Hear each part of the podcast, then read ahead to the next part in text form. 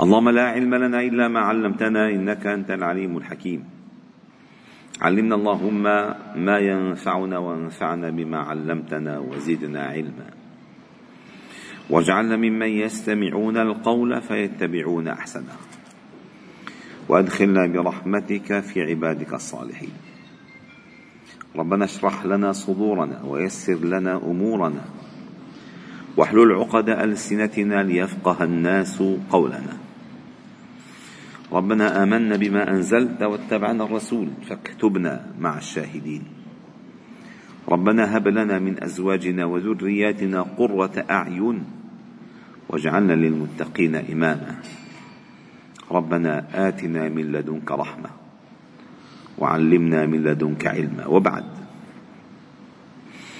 فلا نزال معكم أيها الأحباب الكرام في قراءة كتاب البغية العليا في أدب الدين والدنيا للإمام أبي الحسن الماوردي رحمه الله تعالى ونحن في الباب الثاني منه في أدب العلم وصلنا إلى آخر فصل من هذا الباب.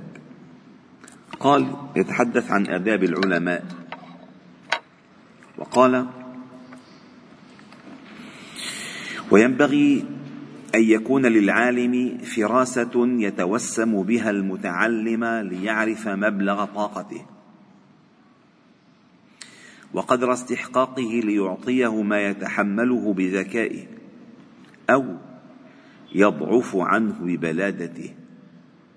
فإنه أروح للعالم وأنجح للمتعلم.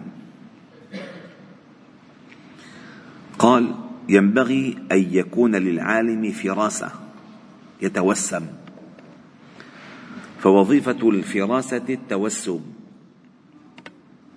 والله يقول في كتاب إن في ذلك لآيات للمتوسمين. يقول مثلا أتوسم فيك نجاحا. أتوسم فيك فلاحا. أتوسم فيك قائدا. أتوسم. التوسم. فالفعل هو الفراسة والأثر التوسم. والفراسة أيها الأحباب الكرام علم قائم بنفسه. علم خطير. التوسم علم خطير. ولكن ليس لأحد أن يدعيه. فإنه يأتي بكثرة النظر والدقة والتأمل والقياس. فمن العرب من اشتهر بالفراسة. حتى ورد بعض الأحاديث اتقوا فراسة المؤمن فإنه يرى بنور الله. فهذا العالم وسيأتي الحديث عن ذلك اتباعا هذا العالم ينبغي أن يكون عنده فراسة يتوسم بها المتعلم ليعرف مبلغ طاقته أجا واحد وسأله أنت ليش اخترت طلب العلم؟ قالوا لأن بالمدرسة ما كنت عم بقدر أنجح ليش يا حبيبي ما كنت عم بقدر تنجح؟ قال له أنا ثلاث أسطر استصار ما بقدر أحفظها قال له كان بلش بحفظ الطيبة لا يا حبيبي. هيك بيعملوا العالم؟ أين فراستك؟ أين نباهتك قد قد قد تشغله أنت بشيء لا يحتاج إلى جودة الحفظ ودقته. تحقيق تدقيق ها؟ مسائل فقهية مثلا. بس في الحفظ ما هو طلع من المدرسة بسبب الحفظ. بتشتغلوا بالحفظ مثلا. فلذلك أو مثلا أتى وهو فاشل بالرياضيات قال لك تعال أعلمك الفرائض. ما بيمشي الحال الإمام السيوطي على جلالة قدره. الذي ما ترك فنا من الفنون العلمية إلا وله إما رسالة أو كتاب أو مجلدات. قال فتح علي في العلوم كلها إلا في الفرائض. سبحان الله. أمور هذه. فينبغي للعالم أن يتفرس وأن يتوسم وأن يعطي الطالب عنده على قدر تحمله وطاقته. لأن المقصود أن يكون جاذبا لا منفرا مبشرا. هكذا ينبغي. قال ليعطيه ما يتحمله بذكائه أو يضعف عنه ببلادته فإنه أي إن ما سيفعله معه أروح للعالم وأنجع للمتعلم. فيصير العالم بيرتاح والمتعلم بيستفيد يأخذ المسائل التي يستطيع فهمها. وقد روى ثابت عن أنس بن مالك قال قال رسول الله صلى الله عليه وسلم إن لله عبادا يعرفون الناس بالتوسم. إن لله عبادا يعرفون الناس بالتوسم. وقال عمر بن الخطاب رضي الله تعالى عنه إذا أنا لم أعلم ما لم أرى فلا علمت ما رأيت. يعني يتوسم بالإنسان شيء. ما شاف الحقائق. ولكن إذا ما يعلم ما لم يرى أي ما لم يتوسم بالإنسان فلا خير في يعلمه بالظاهر. مما كان يشترك الناس كله بالظاهر. لذلك قال أحد الأعراب كان مشهورا بعلم الفراسة قال أنه تعرفونه من قفاه؟ يعني كان إذا أقفل ماشيا ورأوا قفاه عرفوه. فقالوا فكيف لو رأيتموه مقبلا؟ قالوا هو كتاب نقرأه. علم الفراسة دقة الأنف تقوس الجبين وسعة الجبهة. غير العينين والحديث المشهور. قال إذ دخل على النبي صلى الله عليه وسلم رجل ناتئ الجبهة غائر العينين كث اللحية مشمر الإزار ويقول اعدل يا محمد واتق الله فيما أعطاك يا لطيف. إذا توسم بهذا الشكل تطلع هيك نتائج. هيك نتائج. لذلك يقول المثل اتقوا صفر الوجوه. فإن الحقود الحق الحقد يملأ قلوبهم. حقد. أما الإنسان الممرض مرتاح. مرتاح. فلذلك قال وقال عبد الله بن الزبير لا عاش بخير من لم ير برأيه ما لم ير بعينه. يعني الإنسان السنباط هو الحقيقة. تستوي مع الكل. وقال ابن الرومي قال المعي يرى بأول رأي هذا الألمعي يرى أول قدح بفهم كل شيء. قال معي ليش قال معي مدى ما لمعت خلص ضويت عنده. المعي يرى بأول رأي آخر الأمر من وراء المغيب. لو ذعي أي خفيف سريع الذكاء والفطنة. لو ذعي له فؤاد ذكي ما له في ذكائه من ضريب لا يروي ولا يقلب طرفا.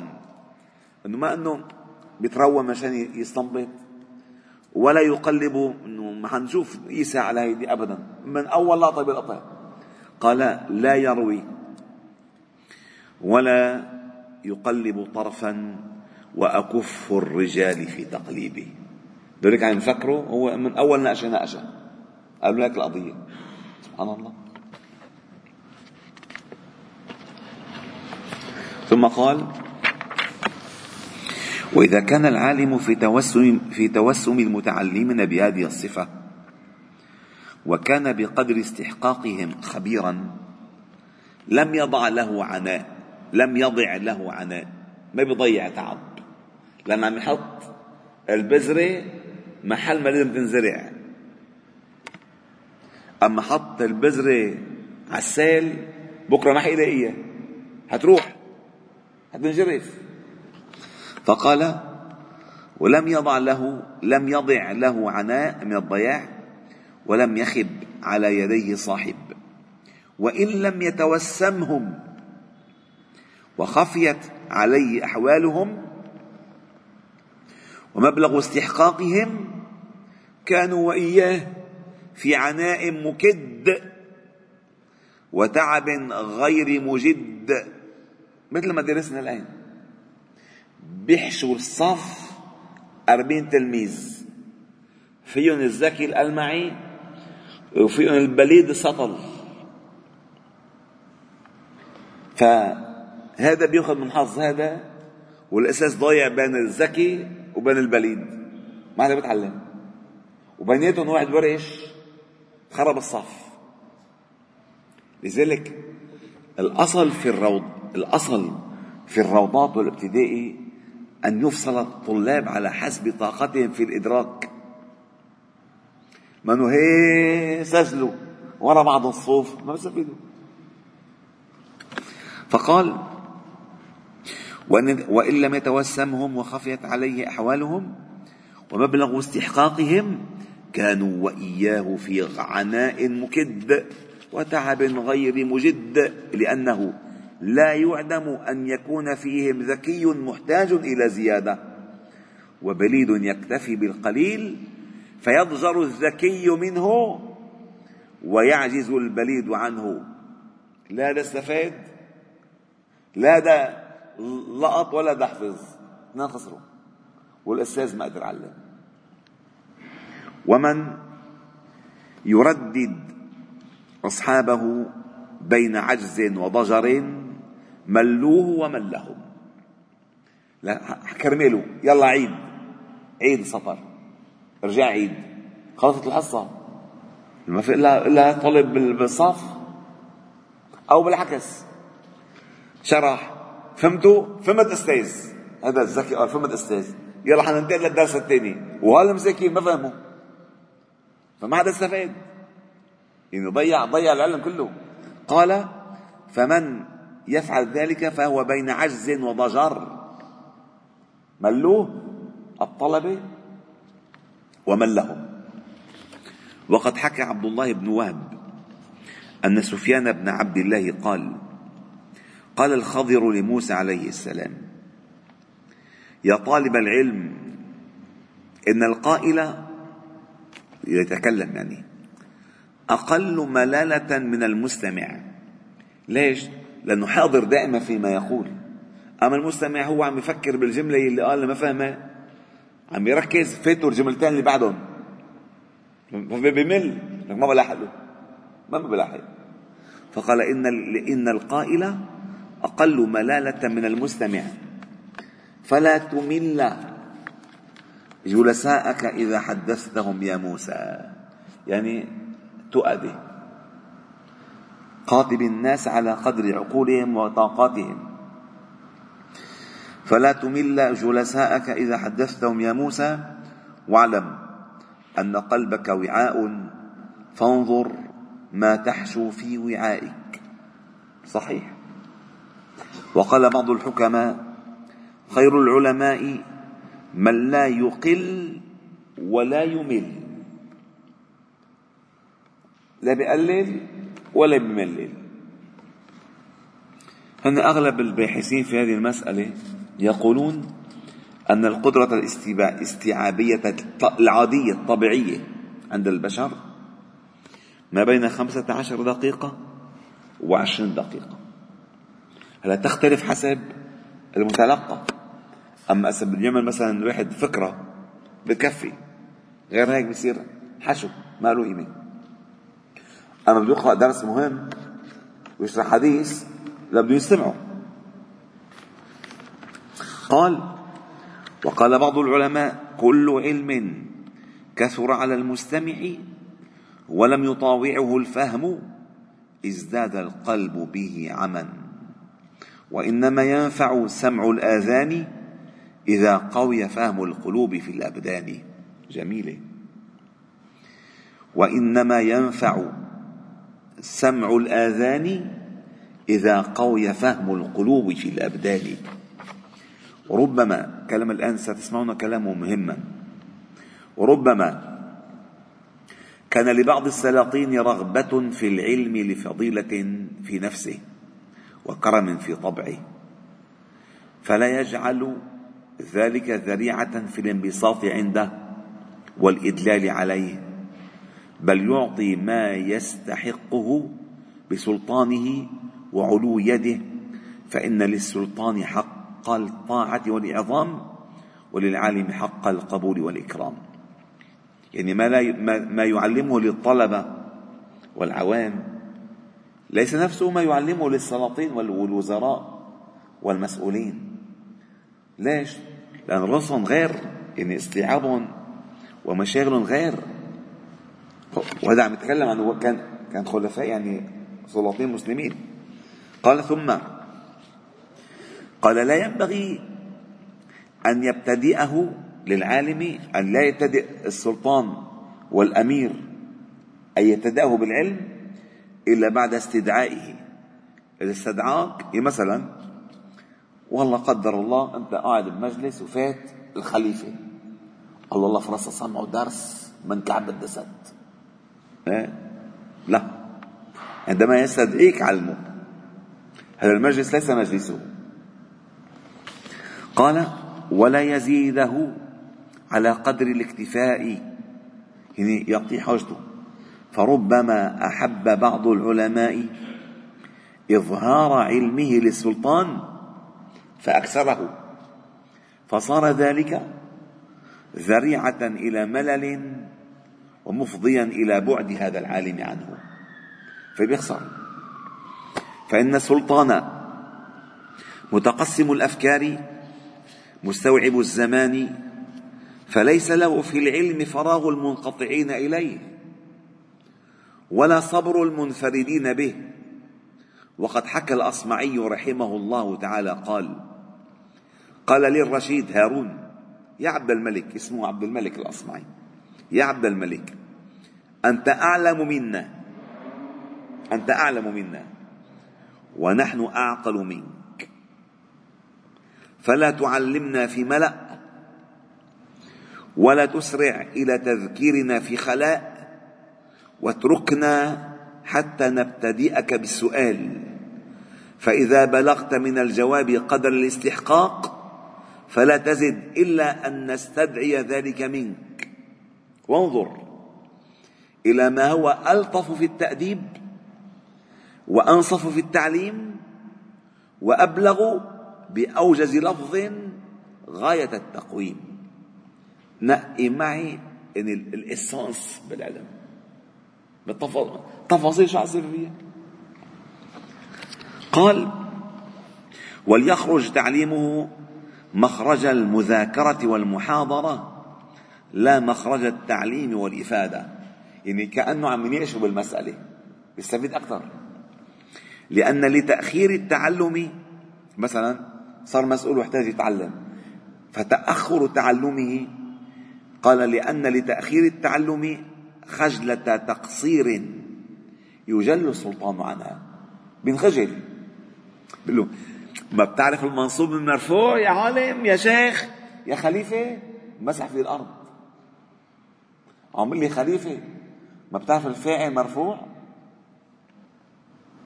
فيذاكره من باب المذاكرة كأنه عم يتذاكر مع بعض.